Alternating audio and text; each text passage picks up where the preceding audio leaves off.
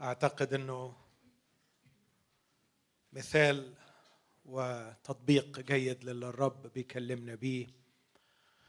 ان نرى الجوهر الحقيقي الإنسان الداخل الإنر بينج الكائن المخلوق على صورة الله يتغير ويتطور حتى ولو كان الخارج يؤذى ويتألم بل ويفنى فالداخل يتجدد يوما. فيوما.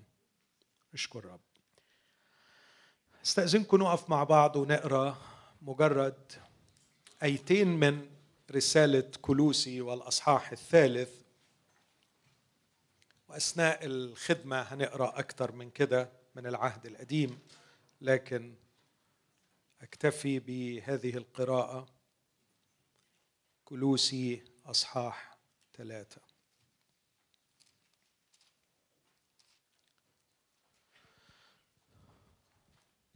عدد تسعة. لا تكذبوا. لا تكذبوا بعضكم على بعض.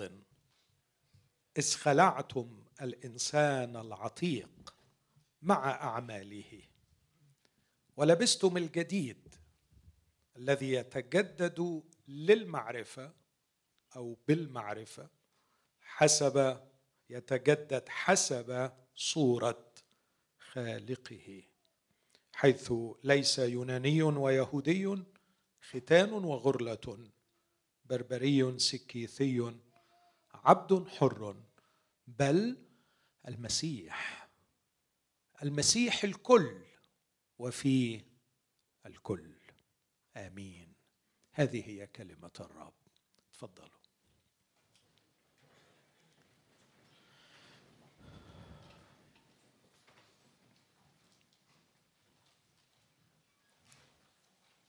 لا تكذبوا. لا تكذبوا. وأنصح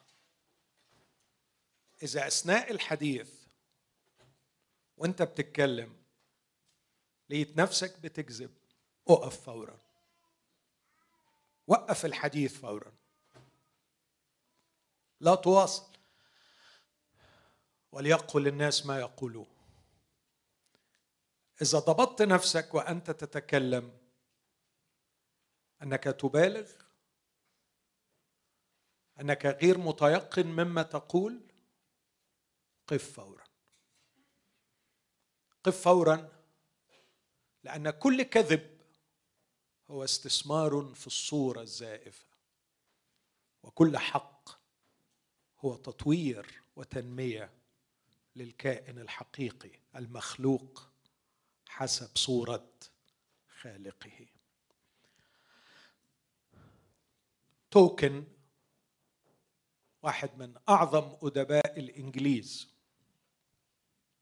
كان زميلا ل C.S. Lewis في اوكسفورد لكن أراه قد تفوق على C.S. Lewis في الأدب والفكر هو اللي عمل سلسلة ملك الخواتم The Lord of the Rings. اللي بقت سلسلة أفلام عالمية في كل العالم. في مشهد في أحد الأفلام يرى أشخاص أو شخوص القصة يعبرون في مستنقع وفي أرض المستنقع مملوءة أجساد موتى. وعلى من يريد العبور إلى الأرض البهية عليه أن يجتاز بين هذه الأجساد الميتة الغارقة في الوحل. ورؤية هذا الأديب أن هذه الأجساد الميتة هي الأكاذيب هي الكذب. وإذا كذبت وأنت بتعدي ستسقط وتصبح واحد من هؤلاء. مشهد مرعب.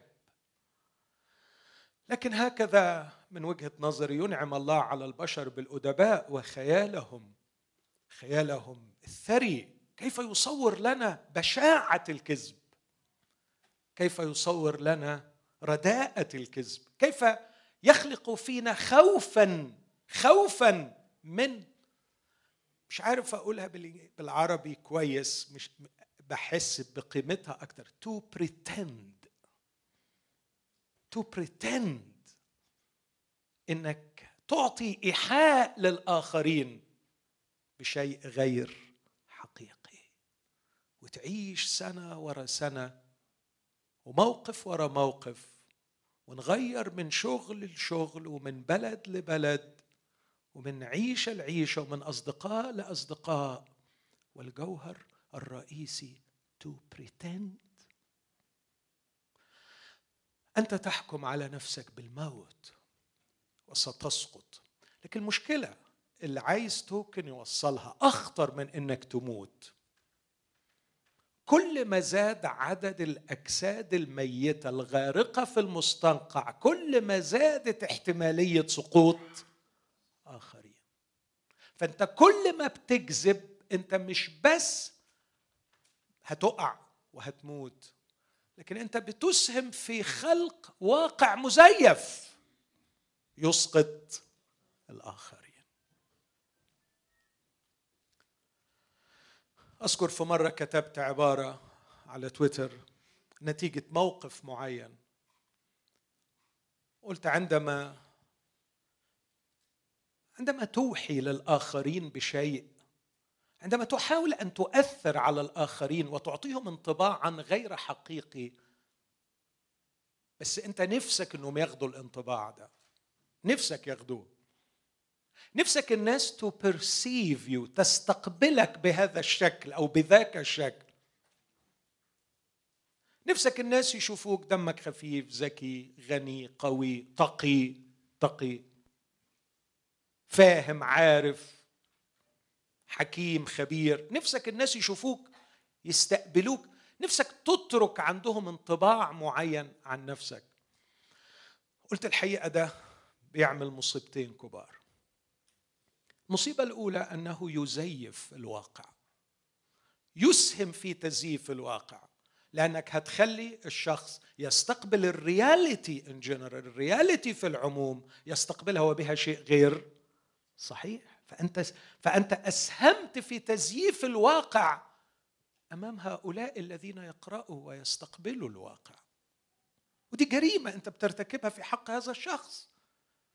لأنك خليته يستقبل شيئا ويقبل ويصدق شيئا ليس حقيقي. فأنت زيفت له الواقع واشتركت في هذه الجريمة جريمة تزييف الواقع. لكن الأمر الأخطر أيضا اغتلت حقه في أن يكون انطباعاته بنفسه. قد اغتصبته قد ضيعت حريته في أن يكون انطباعه عنك بحرية. دهسته فرضت عليه واقع معين. أوعدكم دي تكون آخر مرة أقتبس من جوردن بيترسون؟ في ناس كثيره مش بتحبه بس أنا شخصيا مقتنع بيه إلى حد ما. قال لما تكون في وسط الكلام وده مش بيتكلم كلام مسيحي بيتكلم سايكولوجي وبيقول تشعر إنك بدأت تحيد عن الحقيقة وتكذب أقف فورا لكي تسترد قوتك لأنك عندما تكذب تكون ضعيفا أو ترجمة أدق لن تكون ضعيفا أضعف مما تكون وأنت تكذب.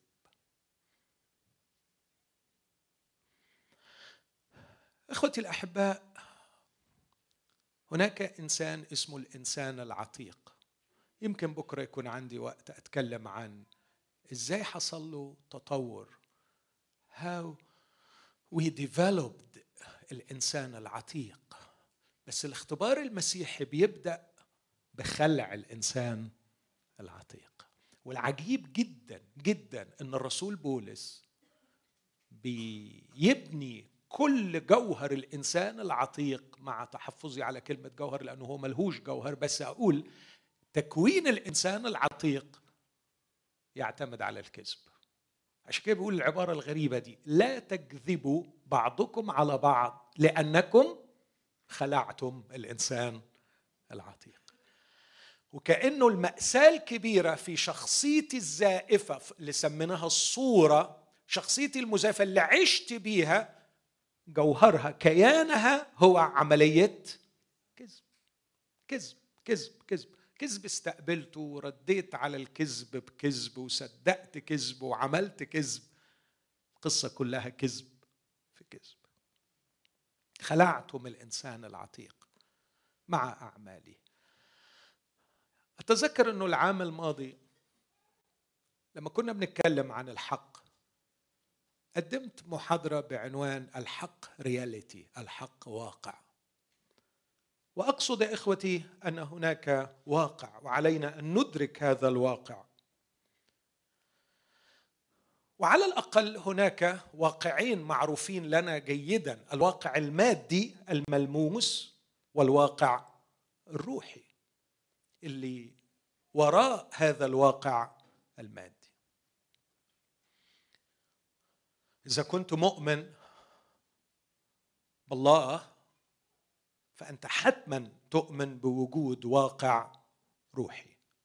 الواقع الروحي الذي فيه الله الذي فيه الملائكة الذي فيه إخوتنا الذين رحلوا يقول عنه الرسول بولس في عبرانيين 12 عبارات جبارة يقول أتيتم أتيتم إلى الله أتيتم إلى كنيسة أبكار مكتوبين في السماوات أتيتم إلى ربوات هم محفل ملائكة أتيتم إلى أرواح أبرار مكملين أتيتم إلى هذا العالم الروحي.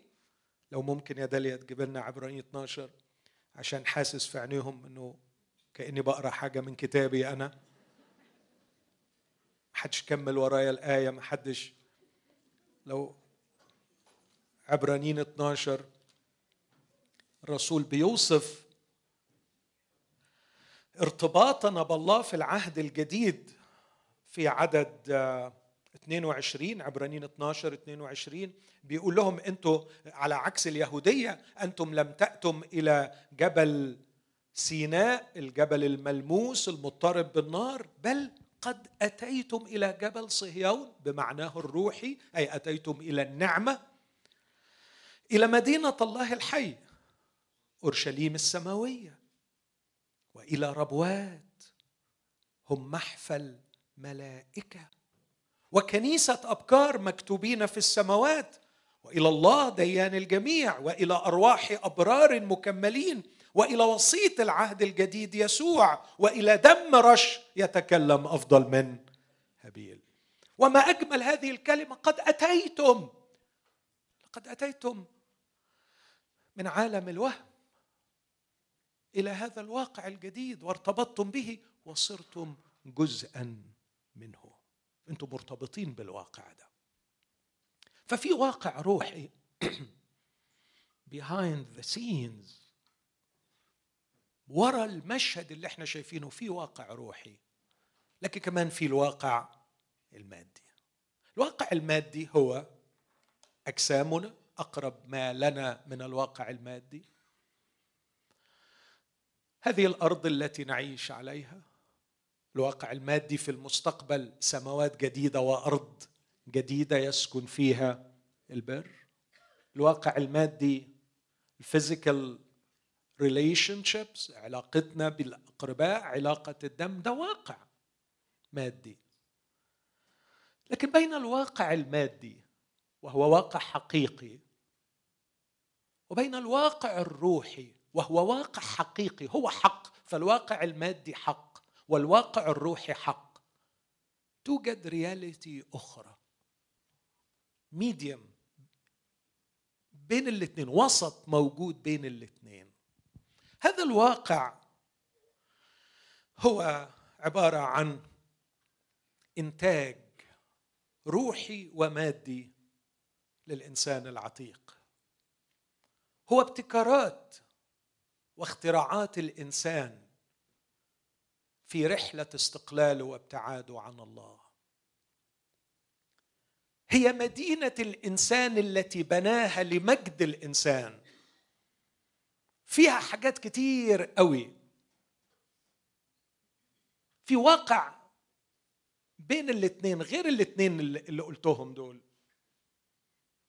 في بزنس في سياسة في موضة في فن في تسلية في فلوس في واقع موجود. هذا الواقع الموجود ليه اسم في الكتاب المقدس اسمه العالم. العالم كيان موجود ولا مش موجود؟ بنلمسه وليه الإيثوس بتاعه؟ يقول عنه بولس في كورنثوس الأولى اثنين لم تاخذوا روح العالم. لم نأخذ روح العالم بل أخذنا الروح الذي من الله لنعلم الأشياء الموهوبة لنا. من الله. هذا هذا الوسط اللي بنحتك به يوميا دي رياليتي رياليتي واقع ملموس. الناس فيه بتفكر بطريقة معينة الناس فيه بتتسلى بطريقة معينة. في مبادئ بتحكم أخلاقيات الناس وعلاقات الناس. بس اللي عايز أقوله الليلة وأكد عليه إن هذا الواقع وهم إنه أكذوبة كبرى. وعلشان كده الرسول يوحنا قال كلمه مرعبة. العالم يمضي. مش سيمضي. والرسول بولس قال عنها كلمتان وصف يقول لأن هيئة هذا العالم تزول. مش ستزول. كذب. كله كذب. كله كذب. أنا الفكرة دي ما كنتش مخطط أقولها بس لما نسرين كانت بتتكلم عن هذا الكيان الذي نتج بعد الكانسر. ده باقي. عايز أقول لك ده باقي. ده اللي باقي. الكيان الحقيقي الذي يشكله الله هو اللي باقي. لكن أي شيء نتج من الإيحاء وال to pretend وإنك تعطي انطباعات وإيحاءات وتعمل صور وأشكال مختلفة. عندما يأتي نور الحقيقة سنكتشف أنه ده كان مجرد وهم. وهم. هيئة رائع الرسول ورائع الروح القدس في اختيار الألفاظ. وعشان كده أنا من شوية وأنا بتكلم حسيت ان بغلط لما بقول جوهر هذا الواقع.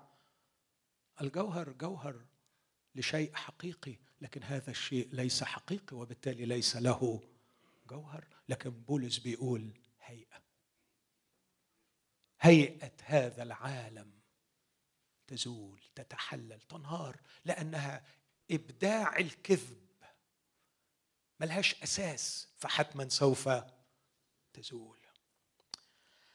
آه يا إخوتي الأحباء هل لي أن يعطيني الله وأنا أتعامل مع العالم ومع أكاذيب العالم؟ أبقى مدرك وموقن أنه ده مجرد وهم أتمنى. لكن اللي عايز أدخل له أكثر إذا أمنت أن هناك واقع مادي وهناك واقع روحي الإنسان الجديد الذي أتكلم عنه ال inner ال inner being اللي بتكلم عنه الإنسان الباطن الشخص اللي الله بيخلقه اللي بيقول عنه هنا مخلوق بحسب الله. في كلوسي قرينا العبارة دي المخلوق يتجدد للمعرفه حسب صورة خالقه. خلقه الله هذا الإنسان الجديد وهو يتجدد. ده ينتمي للواقع الروحي. والواقع الروحي أبدي ودائم. الموت خلع المسكن اللي كان الإنسان ده ساكن فيه لكن الموت لا يؤثر عليه بل بالعكس الموت يطلقه حرا. الموت يطلقه لكي ما يسكن في عالمه عالم الحق بعيدا عن الكذب والأوهام. الإنسان الجديد الإنسان الحقيقي اللي بحسب شعار المؤتمر اللي هو الأصيل أو الأصل ينتمي إلى الواقع الروحي الأبدي. في داخلنا رغبة للبقاء في داخلنا رغبة للخلود لأن الله جعل الأبدية في قلبنا. الذين يطلبون المجد والكرامة والبقاء الله يكافئهم بالحياة الأبدية.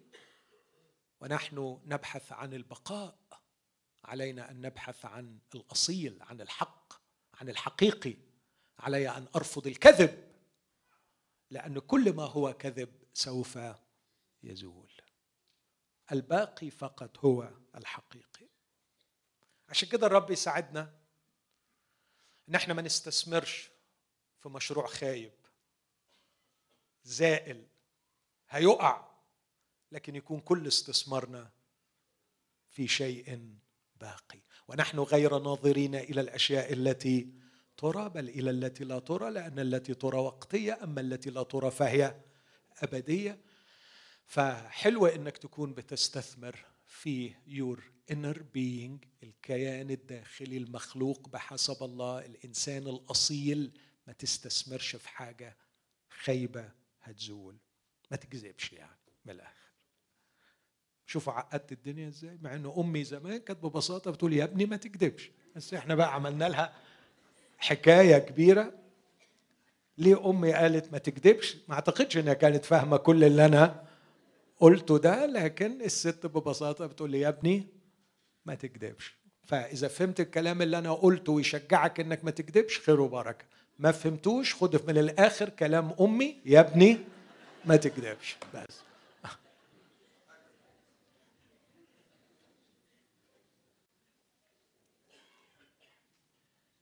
حابب في هذا الاجتماع إني أكرهكم في الصورة الزائفة واحببكم في الصورة الحقيقية.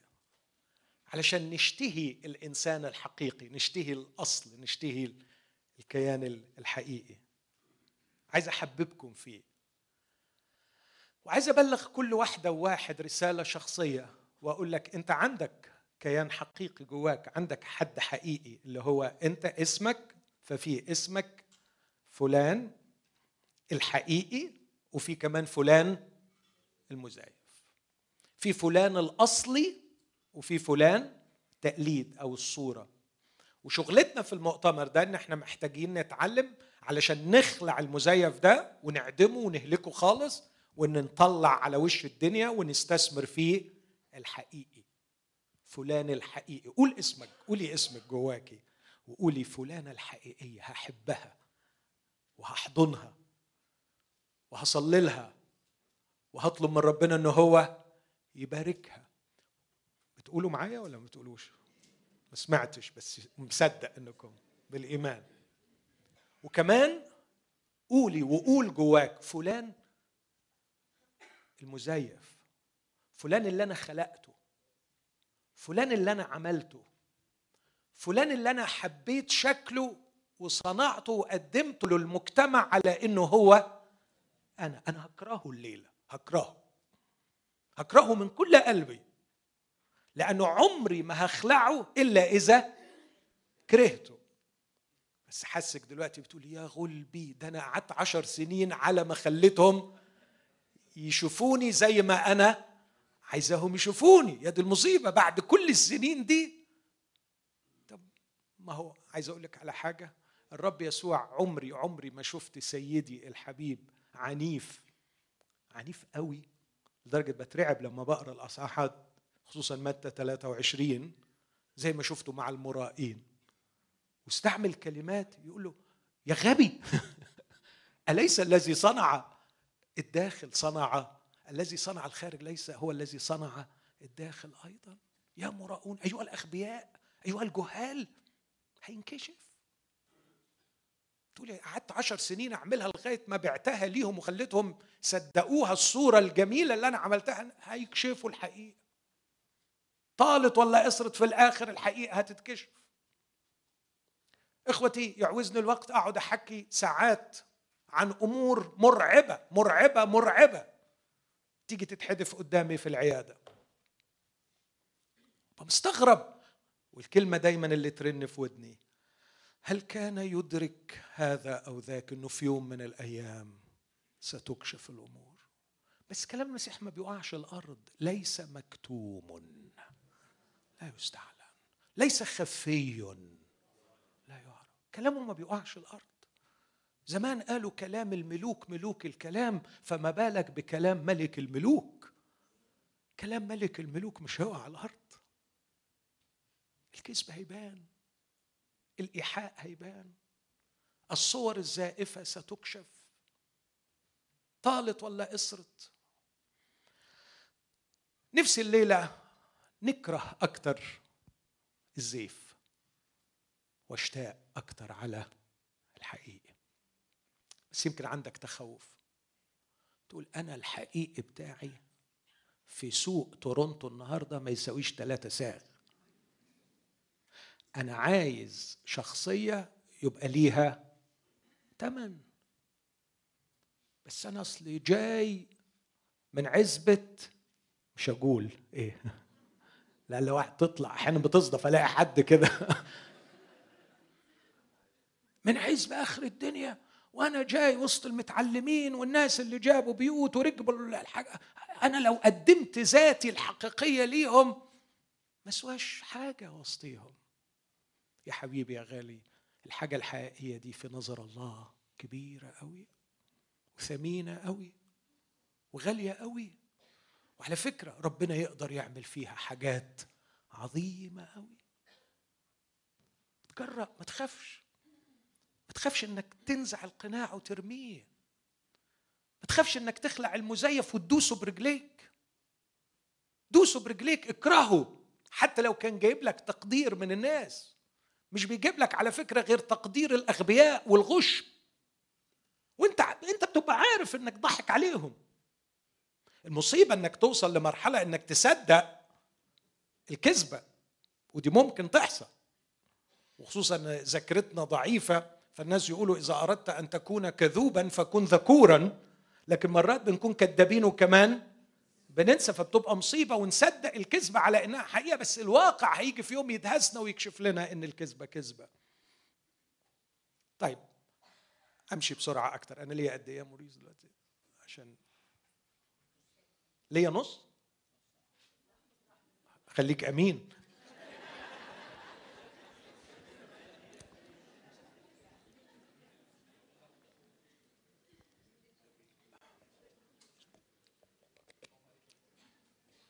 عايز احكي عن صور في العهد القديم ومرة تاني بقول العهد القديم جواهر أهداها الله للبشرية.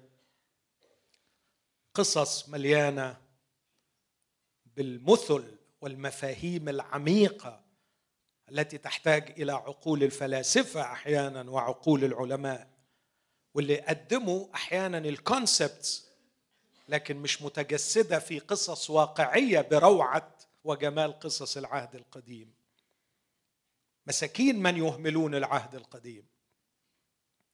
لكن طبعا القصة لا تقرأ لكي نعيد أحداثها ولا لكي نقلد شخوصها لكن القصص نقرأها لكي نتعلم منها. نخلص بالخلاصات ونخرج بها. ونحاول أن نعيش ما تعلمنا إياه. مش مطلوب مني أقلد إيليا ولا أقلد داوود. والكتاب لم يكتب لي قصة إيليا عشان أقلده لكن لكي أفهم طبيعة إيمان إيليا وطبيعة حياة داوود وأتعلم من المفاهيم التي عاشوها. خليني أعدي على بعض القصص اللي بت زي ما تكون كاميرا فيديو سجلت الإنسان الحقيقي وحبت تسلط عليه الضوء عشان أكتب تحتيه جملة كده على الشاشة. فمثلا جملة هكتب واقول الإنسان الحقيقي يبارك ويبارك. إنسانك الحقيقي الداخلي ده لما يبقى حقيقي يبارك وإيه كمان؟ ويبارك. هوري لك الصورة دي عشان تحبه تحب الحقيقي بتاعك وتحضنه وتقول أنا عايزه مهما كان ضعفه مهما كان خوفه. أوري لك صورة تانية أوري لك فيها الحقيقي إنه الحقيقي جبار رغم صغره. صغير قوي لكن تأثيره ضخم قوي. هوري لك الصورة دي حقيقي. إيه اللي مخليه ليه التأثير الجبار ده؟ مش لأنه موهوب أكتر من غيره. أبدا. ولا لأن معرفته أكتر من غيره. لكن هو مؤثر هذا التأثير الجبار لأنه حقيقي. مرات آه، بنسمع عن أشخاص ربنا مستخدمهم استخدام كبير فنحاول نتفرج عليهم. وبعدين نشوف نقول آه عنده معرفة. فأنا لو ذاكرت آه هعمل زيه أو لو المواهب اللي عنده دي عندي فأطلب من ربنا يديني المواهب ربنا عايز يعلمنا إنه الحقيقي مؤثر مش بسبب مواهبه ولا علمه لكن بسبب إنه حقيقي. دي صورة تاني هنشوفها فيديو كده ونلاقي التعليق ده مكتوب تحتيها أن التأثير العظيم ليس بسبب المعرفة ولا المواهب ولا الخبرة لكن لسبب بسيط أنه شخص حقيقي. أشوف صورة ثالثة. الحقيقي يستخدم من الله. اسمعوني في اللي هقوله. رغم ضعفه وخوفه وجهله. واحد يقول لي معقول؟ يعني أنت عايز تقول لي إن الحقيقي خواف وضعيف وجاهل؟ آه. آه. أوعى حد يكون خد مني انطباع خاطئ إن الحقيقي ده كامل. مش معنى إنه حقيقي إنه كامل وإلا ما كانش في داعي يقول يتجدد للمعرفة حسب صورة خالق. لا ده غلبان ده طفل صغير لسه بيكبر. هو صغير بس حقيقي هو ضعيف بس حقيقي هو خواف بس حقيقي هو جاهل بس حقيقي. فأقول تاني الحقيقي يستخدم من الله رغم ضعفه وخوفه وجهله. الصورة اللي بعديها الحقيقي يبارك رغم غضبه وانفعاله ورغم قوله كلام أحيانا بيكون غير صحيح في حق الله. اخلصه ده دلوقتي عشان مش هيبقى عندي وقت أنا عارف. أيوب كم واحد قرأ سفر أيوب؟ رائع جدا. كم واحد فهم العربي بتاع سفر أيوب؟ أنصح بقراءة هذا السفر عدة مرات من ترجمات مختلفة لعلنا نحظى فقط حتى بفهم ولو عشرة في المية من أعماقه. سفر أيوب تحفة. لكن اللي أراه ومهما كان حجم الفهم اللي خده منه أيوب ما كانش بيقول كلام صح. مظبوط ولا لا؟ كان بيقول كلام كده طب أقرأ لكم حتة من اللي كان بيقوله أيوب؟ أيوب ما كانش يعني أيوب لو قعد وسط المؤمنين كانوا هزقوه. وهو ده اللي حصل فعلا. هم هزقوه فعلا. طب أقرأ لك حتة وأنا متأكد إن لو أعيدت القصة وأيوب بينا النهارده وقال نفس الكلام أيوب اصح عشرة يا داليا. أيوب اصح وده مجرد يعني دي مش مش أفضل عينة بس يمكن أقصر عينة. يقول قد كرهت عفوا قد كرهت نفسي حياتي. كرهت روحي. ما يصحش أخونا لازم نشكر في كل الظروف. دي الوعظة اللي هيتوعظها بس أيوب بيقول قد كرهت نفسي حياتي. أسيب يا لجمال التعبير أسيب شكواي. أتكلم في مرارة نفسي. قائلا لله لا تستذنبني. فهمني لماذا تخاصمني؟ أحسن عندك أن تظلم؟ أن ترذل عمل يديك وتشرق على مشورة الأشرار؟ ألك عين بشر؟ أنت بيت زي الناس. أنت تغيرت أم تنظر كنظر الإنسان أم كنظر الإنسان تنظر؟ أأيامك كأيام الإنسان؟ أم سنوك كأيام الرجل؟ أنت بتتصرف زي بقية الناس حتى تبحث عن إثمي وتفتش على خطيتي في علمك إني لست مذنبا ولا منقذ من يدك؟ يداك كونتان وصنعتان كل جميعا أفتبتلعني؟ أنا زعلان منك. انت اتغيرت انت بقيت زي الناس انت بتعمل فيا كده ليه؟ أيوب ما بيقولش كلام صح.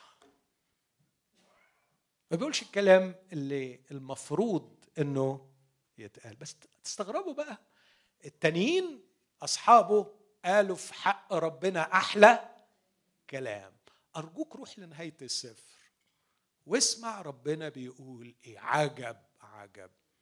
يقول لهم الحقوا هات يا الفاز أصحابك وروحوا بالخيابة بتاعتكم لأيوب واعترفوا بخطاياكم علشان عبدي أيوب يصلي من أجلكم فأصفح عنكم لأنكم لم تقولوا في الصواب كعبدي أيوب. أنت يا رب غريب وعجيب. يقول حبيبي أنا مش فكرة غريب وعجيب. أيوب قال كلام غلط بس كان حقيقي وهو بيقوله. هم قالوا كلام صح بس ما كانوش حقيقيين. معلش انت ما تلخبطنيش. هم الكلام اللي قالوه حقيقي؟ قال آه. طب هم اللي مزعلك منه؟ إن اللي قالوه ما هماش حقيقيين. يعني إيه مش حقيقيين؟ يعني كلام شحاتة. يعني كلام شحاتين. يعني إيه كلام شحاتين؟ يعني شحتينه من غيرهم. لا دقوه ولا اختبروه ولا فحصوه ولا امتحنوه. أهو سمعوا الناس الكويسة بتقول الكلام الكويس فقعدوا يقولوا كلام كويس. ده اسمه كلام شحاتين معظم إخواتي المؤمنين في الكنائس عايشين على كلام شحاتة وكلام سلف. ويدافعوا عن عقائد أتحدى إن كانوا فحصوها أو قرأوها من أمهات الكتب. ولا يعرفوا حتى أمهات الكتب ولا بنات الكتب ولا. أهو مجرد كلام كلام. سمع أهو ده اللي تربينا عليه. شحاتة يا حبيبي سلف. هل فحصت؟ هل درست؟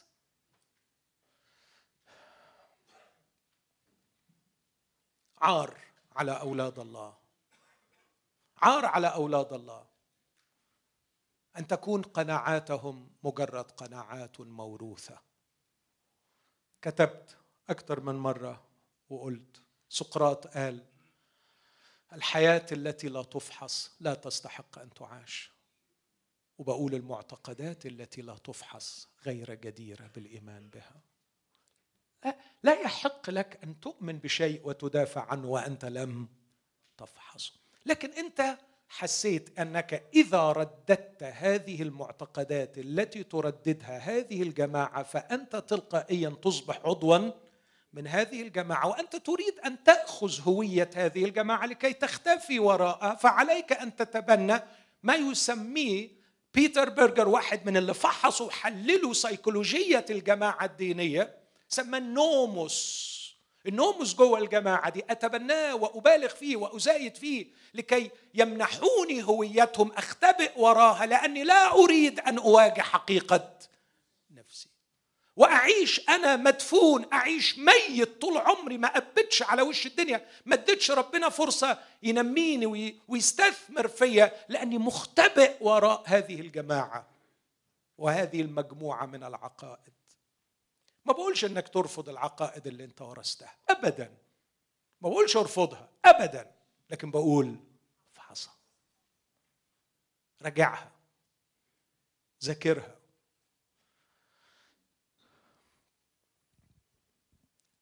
أكيد مش عملية سهلة. الحقيقي ربنا بيحبه وبيقدره.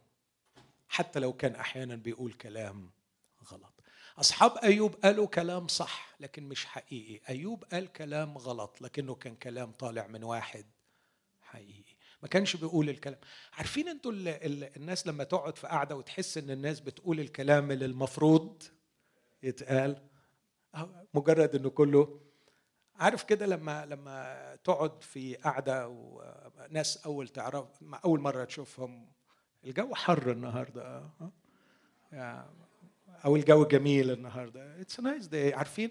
ده مارتن هايدجر كتب عليها فصل في كتاب وسماه ذا سمول توك ثرثرة. ثرثرة. أنا أنصح الشخص اللي عايز يبقى حقيقي يبطل ثرثرة. بطل ثرثرة. اوعى تقول كلام علشان تكسر الصمت. عارفين لما تقعد كده مع حد؟ وبعدين مرات كنت يعني الواحد في الزيارات يقعد عند واحد وبعدين حد يجي يزورك فأنت متوقع إنه جاي ومعاه حاجة عايز يقولها لكن هو جاي عايز يقعد معاك فحلو it's good بس يعني يقول لك إزيك؟ الله يسلمك. إزاي الأخبار؟ الحمد لله. بعدين يسكت شوية. وزيكم كلكم؟ الحمد لله كلنا كويسين. طب وأنتوا عاملين إيه؟ من مئة مرة بتسأل أنت عامل إيه؟ أتحدى أن يكون فيهم واحد هو عايز فعلا يعرف أنا عامل إيه. ولا يهمه أنا عامل إيه ولا مش عامل إيه. هو كلام. ثرثرة. خلوني أبص معاكم على صورة من الصور وأنا هختم في الآخر أنه الحقيقي الله يعلن له ويعلن من خلاله. وهشوف الصورة دي في الآخر. فأقولهم تاني الحقيقي يبارك ويبارك. الحقيقي يؤثر رغم ضعفه وصغره. الحقيقي يستخدمه الله على الرغم من ضعفه وخوفه وجهله. جهله. والحقيقي يقبل من الله على الرغم من خطأ كلامه. وأخيرا الحقيقي يستعلن له الله ويستعلن من خلاله. القصة الأولى في سفر التكوين قصة يعقوب. أصحاح. أقرأ أعداد من أصحاح 25 عفوا تكوين 25 سفر التكوين 25 عدد 27 فكبر الغلامان وكان عيسو انسانا يعرف الصيد. إنسان البرية أو إنسان الحقل. ويعقوب إنسانا كاملا يسكن الخيام. سؤال من المعلومات اللي خدناها so far دي personality ولا character برافو personality عيسو بالطبيعة إنسانا يعرف. جبار قوي outgoing extrovert يخرج يحب كده يطلع يحب يتكلم. إنسان الحقل بتاع بره مش بتاع البيت. ويعقوب إنسانا كاملا. الكلمة الترجمة العربي هنا غير دقيقة لكن في ال English homely man بيتوتي. يعني يحب يعمل إيه؟ يقعد في البيت. دي personality يسكن الخيام. واضح إن هو ده إنسان الحقل outgoing وده إنسان يحب يقعد في البيت. مشكلة إن عندهم أب وأم مختلفين برضه إسحاق كان وديع قوي. إسحاق كان كده شخص يعني لدرجة أبوه يقول له أذبحك يقول له ماشي يا بابا اتفضل. ولد جميل فعلا محترم قوي. وديع وطيب وحلو. يحب يقعد يلعب مع رفقة ويهزر معاها ويتبسط معاها. لكن ما هواش مشاكس يعني. وبعدين حتى أمه كان بيصعب عليها لما لقيت إسماعيل بيقل أدبه عليه قالت له تطرد الواد ده مع أمه يعني يعني الواد ده ابني ما يستحملش الحاجات دي فهو ولد وديع وجميل وحلو إسحاق. بس رفقة عافية وقوية. قوية فعلا. وهي حبت إسحاق أكيد. بس شخصيتها قوية عليه حبتين. والقصة اللي حصلت في الآخر تبين قد إيه رفقة دي كانت قوية. فعلا. تصوروا قعدت عشرين سنة عاقر في الزمن ده كان يبقى صعب قوي إنها تقعد كده. ولا اتضايقت ولا اتمرمرت ولا صلت. شوفوا القوة قد إيه. دي عافية قوي دي يعني. آه قوية فعلا. وربنا كان نفسه يسمع رفقة بتصلي؟ فقال لها رفقة هعمل معاكي حاجة هكسرك خليكي تعرفي تصلي هخلي العيال وهم في بطنك الاثنين يتخانقوا مع بعض. حاجة عمرها ما حصلت لا قبل ولا بعد بس لما الاثنين تزاحموا في بطنها وعملوا خناقة راحت عملت إيه؟ صلت. زي يونان كده. يونان ما يصليش إلا لما يطحن في معدة الحوت. في ناس قوية كده تعرف تتصرف يعني تضغط عليه يعرف يتصرف تضغط عليه يعرف يتصرف. لكن مش سهل إنه ينكسر ويصلي. فرفقه قوي اتفرج مثلا على المشهد بتقول له يا ابني أنا سمعت إن أبوك بيقول لعيسو روح اعمل لي أطعمة عشان أباركك قبل ما أموت. فتعالى يا ابني هات لي جديين وأعمل لك أنا الأطعمة. أنا عارفه أبوك بيحب إيه بالظبط. هعمل لك الخلطة بتاعت عيسو وأخليك تدخل ويباركك. قال لها بس لألا أبويا يكتشف الحكاية ويلعني. تصور تقول له إيه؟ حد فاكر؟ لعنتك عليا. جبار ها؟ يعني أنصحك اوعى تتجوز.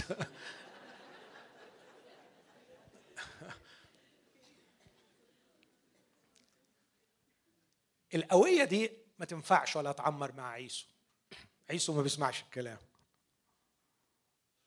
بس مين اللي عجبه عيسو؟ إسحاق. لأنه بيلاقي فيه تعويض. أكيد كان إسحاق بيشعر بالنقص أحيانا إنه he is not outgoing ما هوش الشخص القوي ما هوش إنسان البرية لكن شاف ربنا إداله سبع. إداله ولد بصراحة يرفع الراس يعني يتفرج على عيسو أحمر وشعر وجبروت ويطلع يصيد ويعمل أكل محترم والتاني قاعد جنب ماما في البيت يطبخ عدس. أكيد إسحاق ما يملش ليعقوب بس رفقة في نفس الوقت مالت ليعقوب لأن يعقوب كان بيقول لها حاضر وكمان ولد محترم قاعد جنبيها في البيت. ما قالهاش يا ماما أروح أدرس في جامعة بره ولا ولا قال لها أروح. وحتى الجوازة هي اللي خططتها ورتبتها. تعالى يا ابني تاخد بعضك وتروح عند خالك لبان عنده بنات يدي لك واحدة من بناته. حاضر يا ماما. وهو عنده سبعين سنة بيني وبينكم.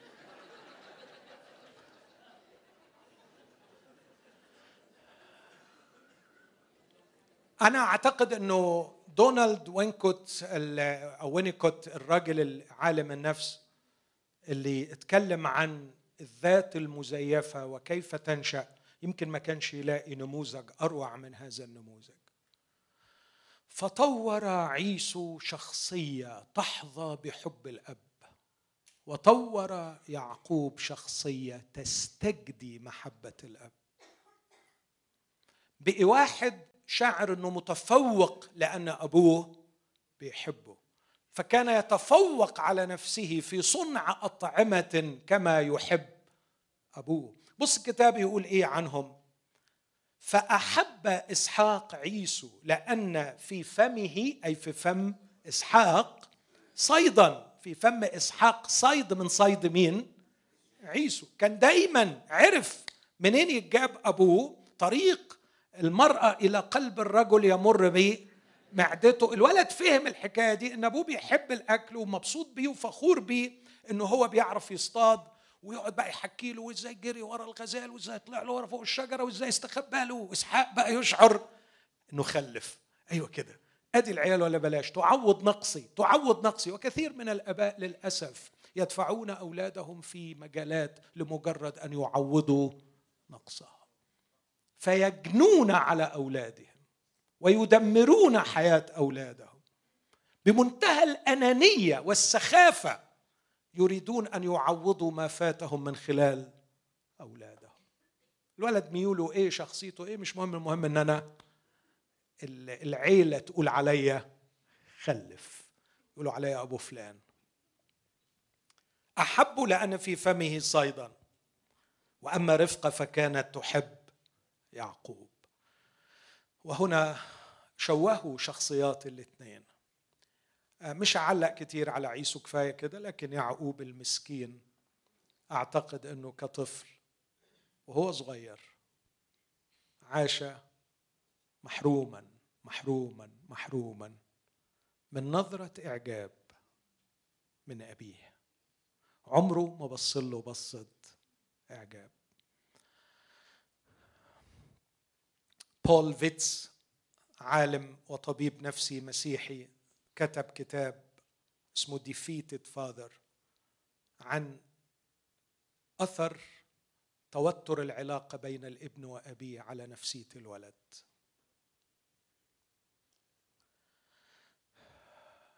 أتمنى أن الآباء ينتبهوا إلى هذا الأمر.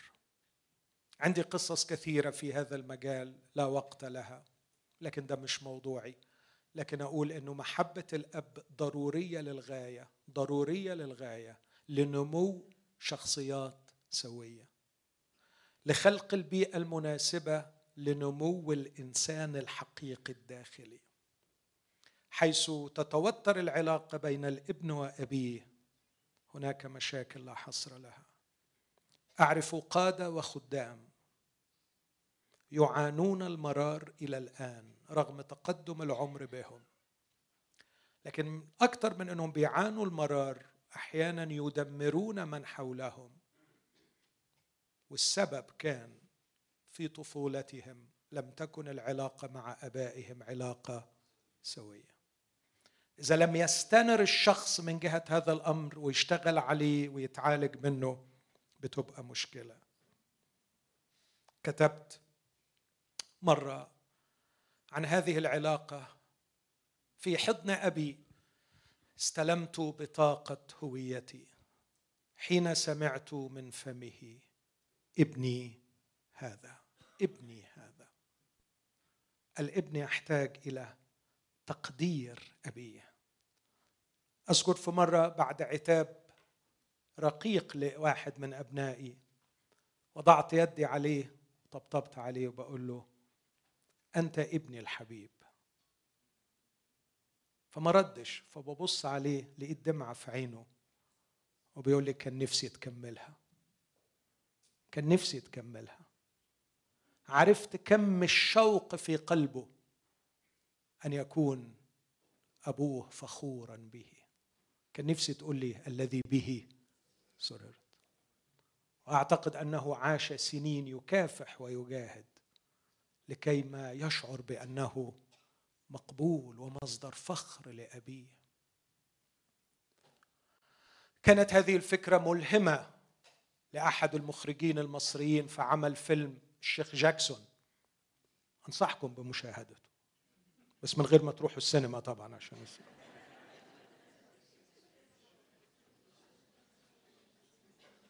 أبدع هذا الرجل في هذا الفيلم فجعل مشهد النهاية مشهدا رهيبا. الولد يغوص في حضن أبيه ولأول مرة نعرف اسمه الحقيقي.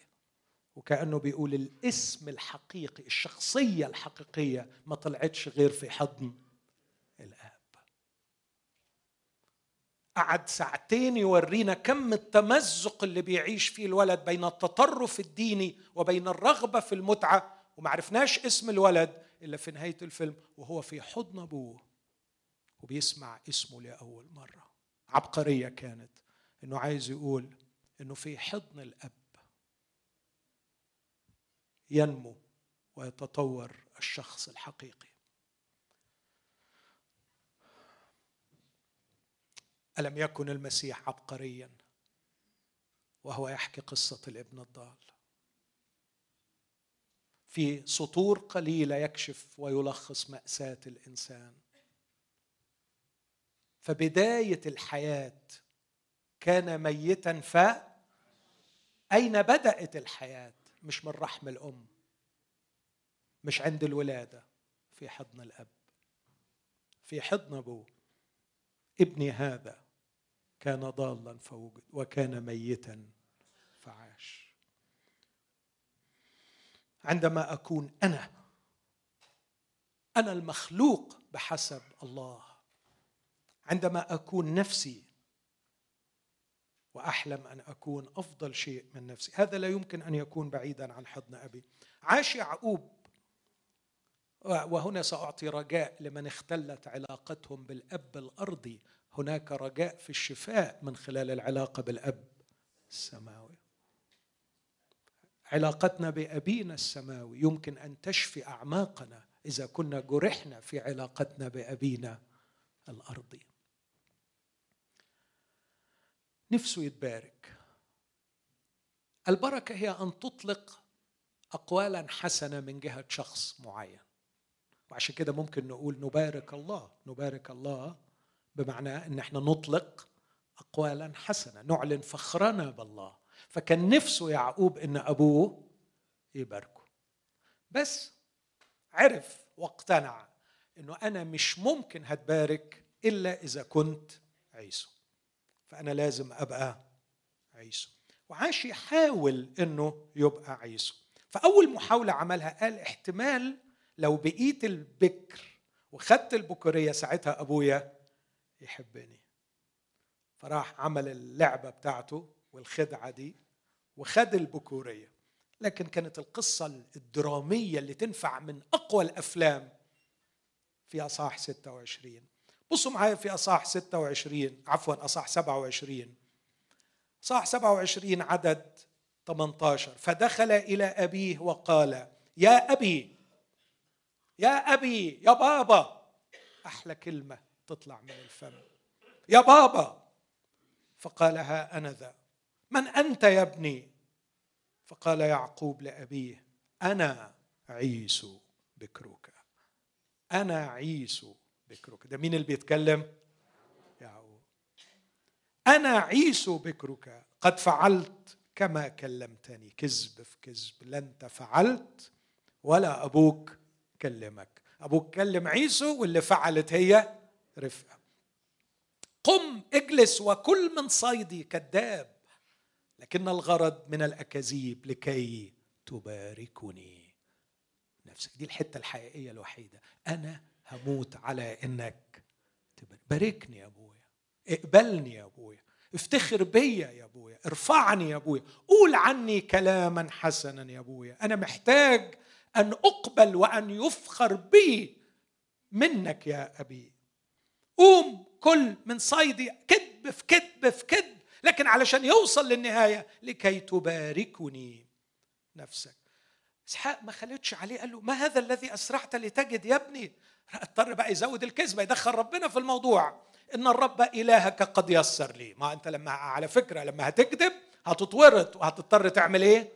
تكذب تاني وتكذب تاني علشان تطلع من الكذبة الأولانية. قصة مقرفة.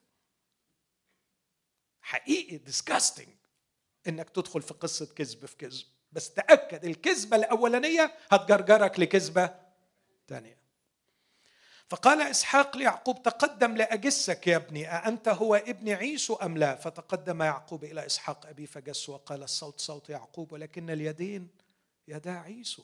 ولم يعرفه لأن يديه كانتا مشعرتين كيدي عيسو اخيه فباركه. بس هو قبل ما يبارك قال هل أنت هو ابن عيسو؟ فقال أنا هو. من أنت؟ السؤال ده مهم قوي فقال يعقوب لأبيه أنا عيسو أنا عيسو. ثبت المشهد ده ومشي الشريط عشرين سنة. وصل معايا لتكوين 32 32 بعد رحلة ألام مرعبة. رحلة ألام شرب فيها المرار. وصفها وقال في النهار كان يأكلني الحر وفي الليل كان يأكلني الجليد. ضحك عليه واتخدع واتمرمر. شاف أيام سودة. عند لبن عشرين سنة لكن راجع. وفي عودته شعر باحتياجه للأب. للأب السماوي لأن الأب الأرضي غير متاح. في عدد 22 من تكوين 32 ثم قام في تلك الليلة وأخذ امرأتيه وجارتي جاريتيه وأولاده الأحد عشر وعبر مخاضة يبوق أخذهم وأجازهم الوادي. وأجاز ما كان له. عدد 24 فبقي يعقوب وحده. وربما كانت الدموع تسيل على عينيه. وهو يصرخ ويقول يا أبي لم يبق لي إلا أنت. أنت الأب السماوي. أنت تعلم خوفي وضعفي واحتياجي. كان هناك لقاء. اسمعني في اللي هقوله. حقيقي. بين يعقوب الحقيقي في ضعفه وخوفه والله الحي الحقيقي الأب الحقيقي. لقاء حقيقي بين الإنسان الحقيقي والأب الحقيقي. ما أحوجني لهذا اللقاء؟ إن قصة حياتي تعتمد على طول وعمق هذه اللقاءات التي فيها بقيت وحدي أختلي كإنسان حقيقي بأبي الحقيقي. وصارعه إنسان حتى طلوع الفجر.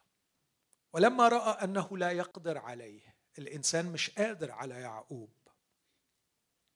ضرب حق فخذه فانخلع حق فخذ يعقوب في مصارعته معه. وقال اطلقني اللي بيصارعه ده اطلقني لأنه قد طلع الفجر. فقال لا أطلقك إن لم تباركني. فقال له ما اسمك؟ فقال يعقوب واخدين بالكم؟ أنتوا لسه مثبتين على اللقطة الأخيرة من عشرين سنة. من أنت؟ أنا عيسو بكرك قم باركني. اللقطة الثانية باركني أباركك بس اسمك إيه؟ يعقوب. يعقوب. يا ابني أنا لا أبارك إلا الحقيقي آخر مرة اتسأل عن اسمه كان من عشرين سنة وكذب. Pretending pretending إنه هو عيسو. لازم تكف عن الإيحاء بإنك عيسو. لازم تبطل تتجمل. عارفين أنا لا أكذب لكني أتجمل؟ لا المفروض لا تكذب ولا تتجمل. أمال تبقى إيه؟ ها؟ حقيقي. زي ما انت لأن الله ما بيعرفش يبارك غير الحقيقي ومش هيبارك غير عايز بركة من الرب؟ اطلقني لأنه قد طلع الفجر. لن أطلقك إن لم تباركني. عايزني أباركك؟ قل لي أنت اسمك إيه. أنا أنا كتبت عنها مقال زمان وقلت يتهيأ لي إنه قال لا مؤاخذة يعقوب عارفين لا مؤاخذة باللغة المصرية. يعني لا مؤاخذة. يعني لا مؤاخذة. أنا يعقوب أكيد قال له مؤاخذتك معاك ما أعرفش يعني إيه مؤاخذتك معاك كانوا يقولوا كده. أنا يعقوب بكل وحشتي. أنا يعقوب بكل ضعفي. أنا يعقوب بكل عوزي لكلمة تقدير من أبي. أنا يعقوب بجوعي وحرماني لحضن أبي. أنا يعقوب أنا يعقوب قال له أنا بحبك يعقوب والوحيد اللي اتقال عنه باسمه إنه تحب هو يعقوب أحببته يعقوب. من وجهة نظري دي تحتاج هللويا. احببت دي تخليني أسجد قدام الله. أنت بتحب يعقوب؟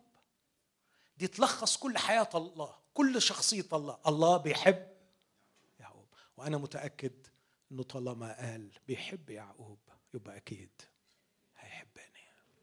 في سفر المزامير مرة واحدة إله إبراهيم سبع مرات إله يعقوب. حتى أن داود يقول طوبى لمن إله يعقوب معينه. هيحبني وهيباركني رغم ضعفي رغم أن أنا يعقوب وباركه هناك باركه لكن كمالة القصة آه، امشي معايا مشي الشريط بعد الحكاية دي كمان عشرين سنة. وعدي كده لقدام أو يمكن أكثر من 20 سنة 22 سنة. وبص معايا في تكوين 47 48 49 تكوين 47 عدد سبعة أدخل يوسف يعقوب أباه وأوقفه أمام فرعون. وبارك يعقوب مين اللي بيبارك؟ يعقوب بيبارك الملوك لأنه تبارك. تبارك فصار يبارك. أصح 47 عدد عشرة. تاني سألوا قال له كم سنية حياتك؟ قال له سنية غربتي 130 سنة قليلة وردية لم تبلغ إلى أيام سنية حياة أبائي. عدد عشرة وبارك يعقوب فرعون وخرج من لدن فرعون. ملكا كبيرا متوجا يبارك الملوك. هذا من باركه الله. يبارك الملوك. في أصح 48 عدد ثلاثة. وقال يعقوب ليوسف الله القادر على كل شيء ظهر لي في لوز أو في لوز في لوز في أرض كنعان وباركني. الحكاية دي معلقة معاه قوي الحكاية دي محفورة فيه قوي ما افتكرش البركة اللي باركوا بيها مين؟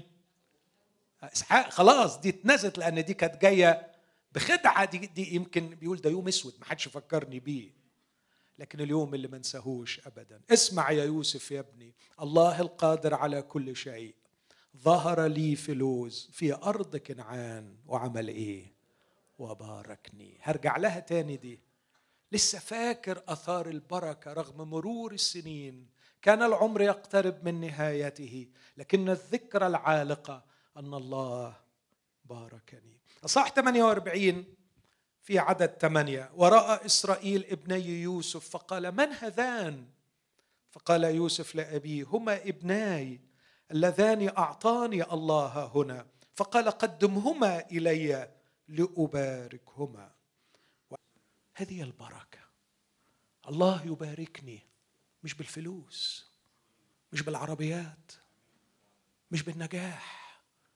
يباركني يوم ما يكشف لي عن نفسه. ساعتها هتبارك وساعتها هبارك وكل اللي قرب منه هباركه لأني تباركت. عندك رغبة إنك تخلع الزيف اللي بتستجدي بيه شيء من الناس وإنك تتبارك الليلة تتبارك أروع خبر الرب مستعد يباركك حتى لو كنت يعقوب. بس المهم إنك تجاوب على السؤال أنت مين؟ تقول له أنا يعقوب. أنا مش هتجمل ولا هكذب أنا وحش بس أنت بتحب الوحشين. أنا ضعيف بس أنت ليك في الضعاف أنت بتفهم فيهم. انت تعرف تباركهم. أنا ممكن أقوم مئة واحد من اللي قاعدين يحكوا لك ويشهدوا ان ربنا باركهم وهم ما يستاهلوش. لأنه إله حلو. إله كل. نعمه اتفضل يا هاني تعالى رنم معانا خلونا ناخد الوقت ده فيه. ما أعرفش أصلي إن روح الله يقود هاني في ترنيمات. ترفع يعني دعاءنا إليه ترفع مناجاتنا له. نناجيه نستدعيه. الوقت ده مهم قوي. نتضرع نتوسل إليه.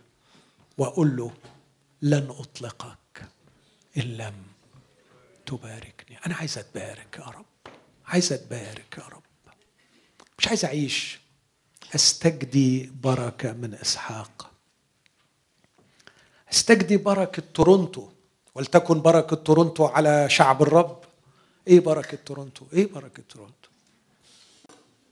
نفسك إيه من تورونتو يعني نفسك إيه من كندا؟ نفسك إيه من نورث أمريكا؟ نفسك في إيه؟ خلاص بقى. اكبر. طلع من دماغك. قول له عايز بركتك. بركة الكنيسة. كنيسه كنيسه بتبارك. كنيسه غلبانة.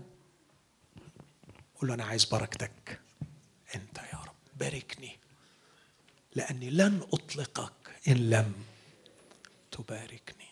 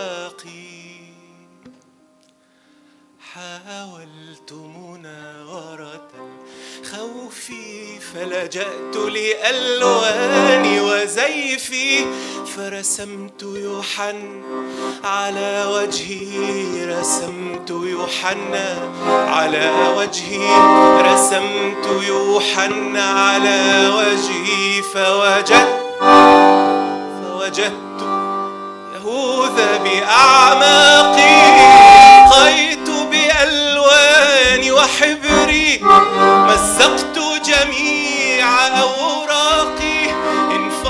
البركان بصدري واجتمع الغيم بآفاقي. حاولت مناورة الخوف فلجأت لألواني وزيفي فرسمت يوحنا على وجهي رسمت يوحنا على وجهي رسمت يوحنا على وجهي فوجدت فوجدت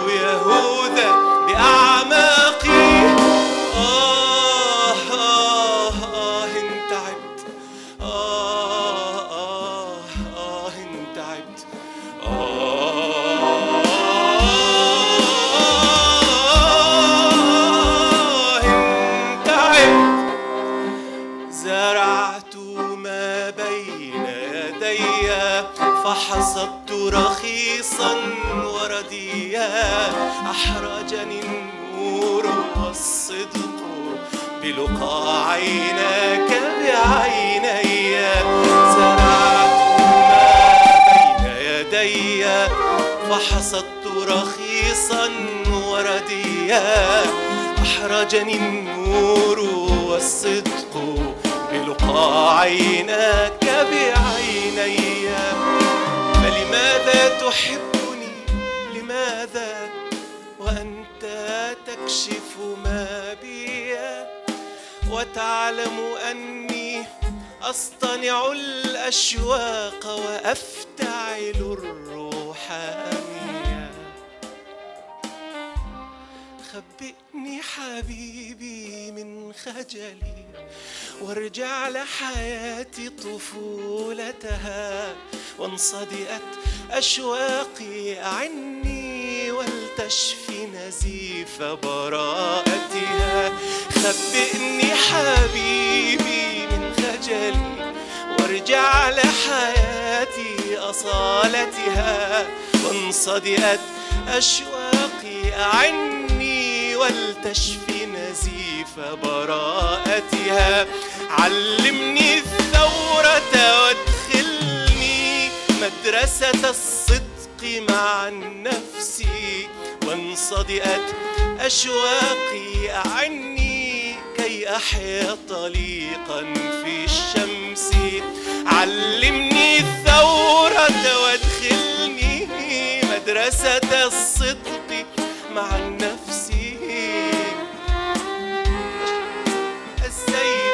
ولأحيا طليقا في الشمس ولأحيا طليقا طليقا طليقا في الشمس. علمني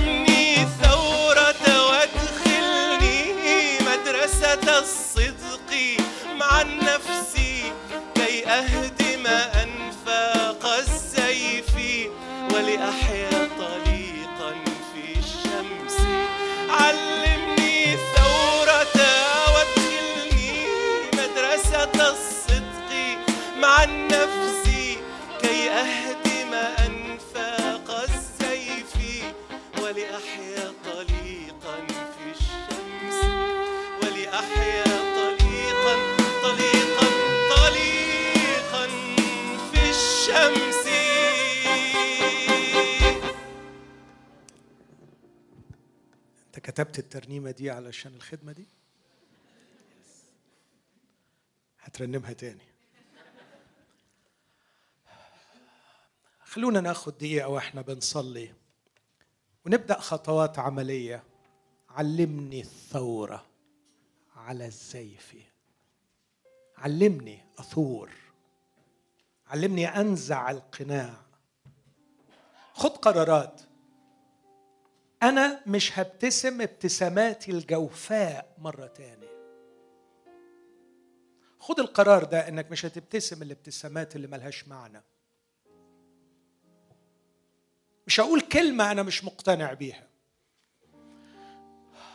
شاب محطم قعدت نخرب في نفسيته إمتى رفض ربنا؟ ما انساش القصة دي.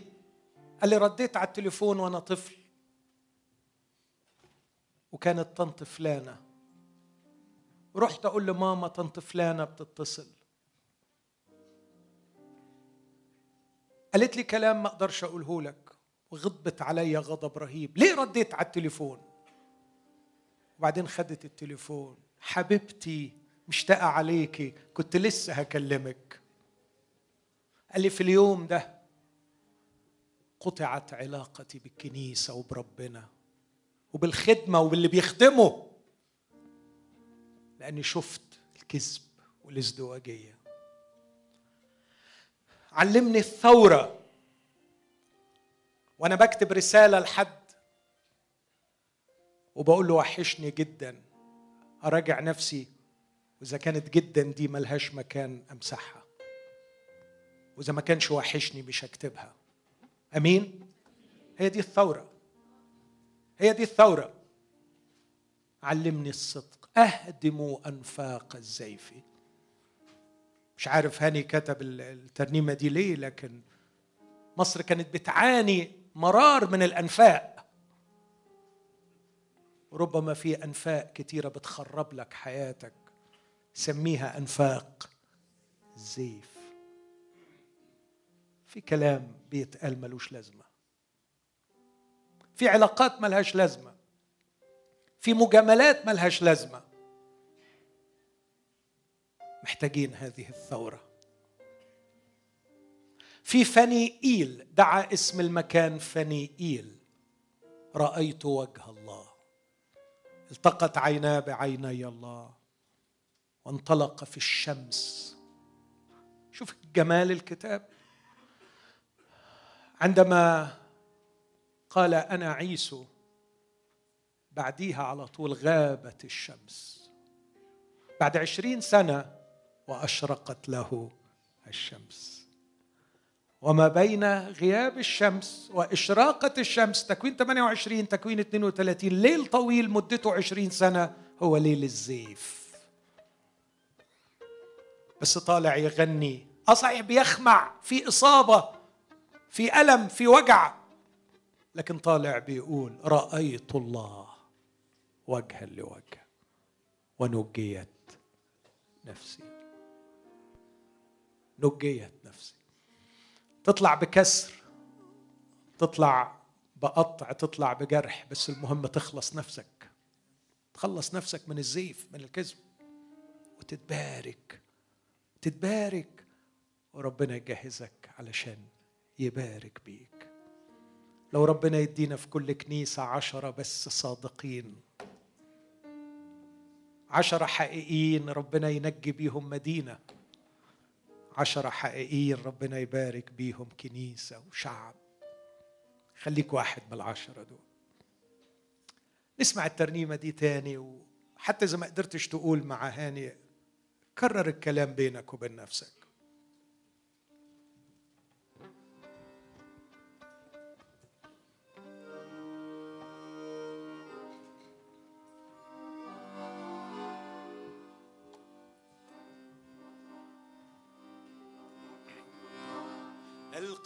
ألقيت بألوان وحبري مزقت جميع أوراقي. انفجر البركان بصدري واجتمع الغيم بآفاقي. حاولت مناورة الخوف فلجأت لألواني وزيفي. فرسمت. يوحنا على وجهي رسمت. يوحنا على وجهي يا رب. رسمت. يوحنا على وجهي فوجدت فوجدت يهوذا بأعماقي. ألقيت بألوان وحبري. مزقت جميع انفجر البركان بصدري واجتمع الغيم.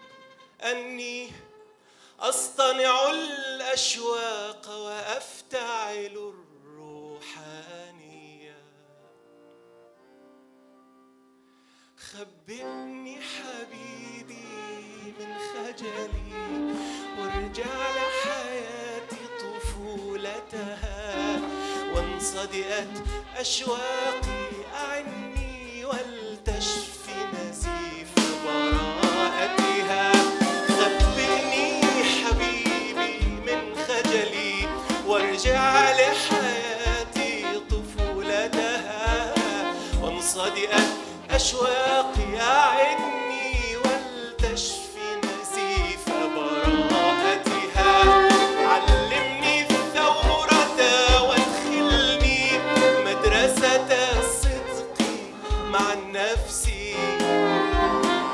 أنفاق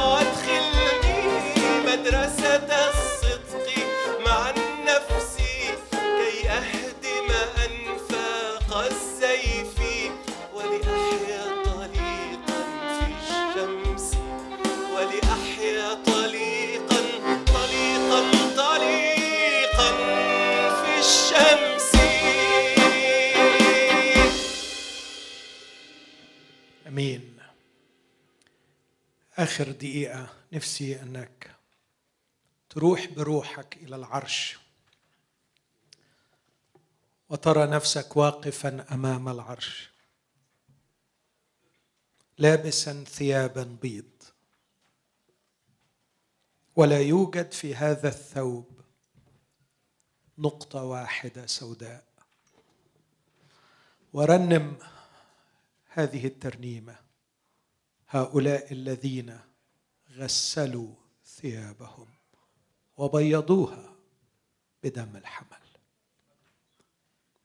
أقبل دمك أيها الحمل فهو الذي يوجدني جميلا أمام الله. لا أحتاج أن أتجمل. لا يعوزني أن أفعل شيئا لكي أستحق المثول أمامك. مبارك هو الحمل. مبارك هو الحمل الخروف المذبوح له الكرامه والمجد. لأنه ذبح لكي أستحق أنا الخاطي أن أمثل أمام العرش. لكي يحضركم قديسين وبلا لوم ولا شكوى قدامه. افتح عينك في الآب. وقول له أشكرك لأجل عمل ابنك يسوع. لا أحتاج أن أفعل شيئا يجعلني مستحقا أمامك أيها الآب بعد أن خلصني يسوع بعد أن كساني ببره. أؤمن أني أوجد كاملا أمام الله بسبب عمل المسيح. موته وقيامته. اقبل هذه العطية بالنعمة. كف عن محاولاتك. كف عن محاولاتك. أن تتزين أمام الله. واقبل رش الدم. أتيتم إلى دم رش. يجعلك نقيا مقبولا أمام الله. أشكرك لأن ضعفي وعجزي. لا يجعلنني أكف عن أن أكون محبوبك وابنك الغالي فأنا ابنك طفلك المدلل. أنت تحبني. أشكرك لأن خطاياي لا يمكن أن تكون أقوى من فاعلية دم ابنك فدم ابنك يسوع يطهر من كل خطية. أشكرك لأنك رشتني بالدم وأشكرك لأنك أوجدتني كاملا فيك. دعني أقف دائما أمام العرش بضمير مستريح. دعني أستند دائما على النعمة وعلى عمل المسيح. دعني لا أهرب من هذا المكان الذي يكشفني. دعني لا أخاف من ضعفي وعجزي.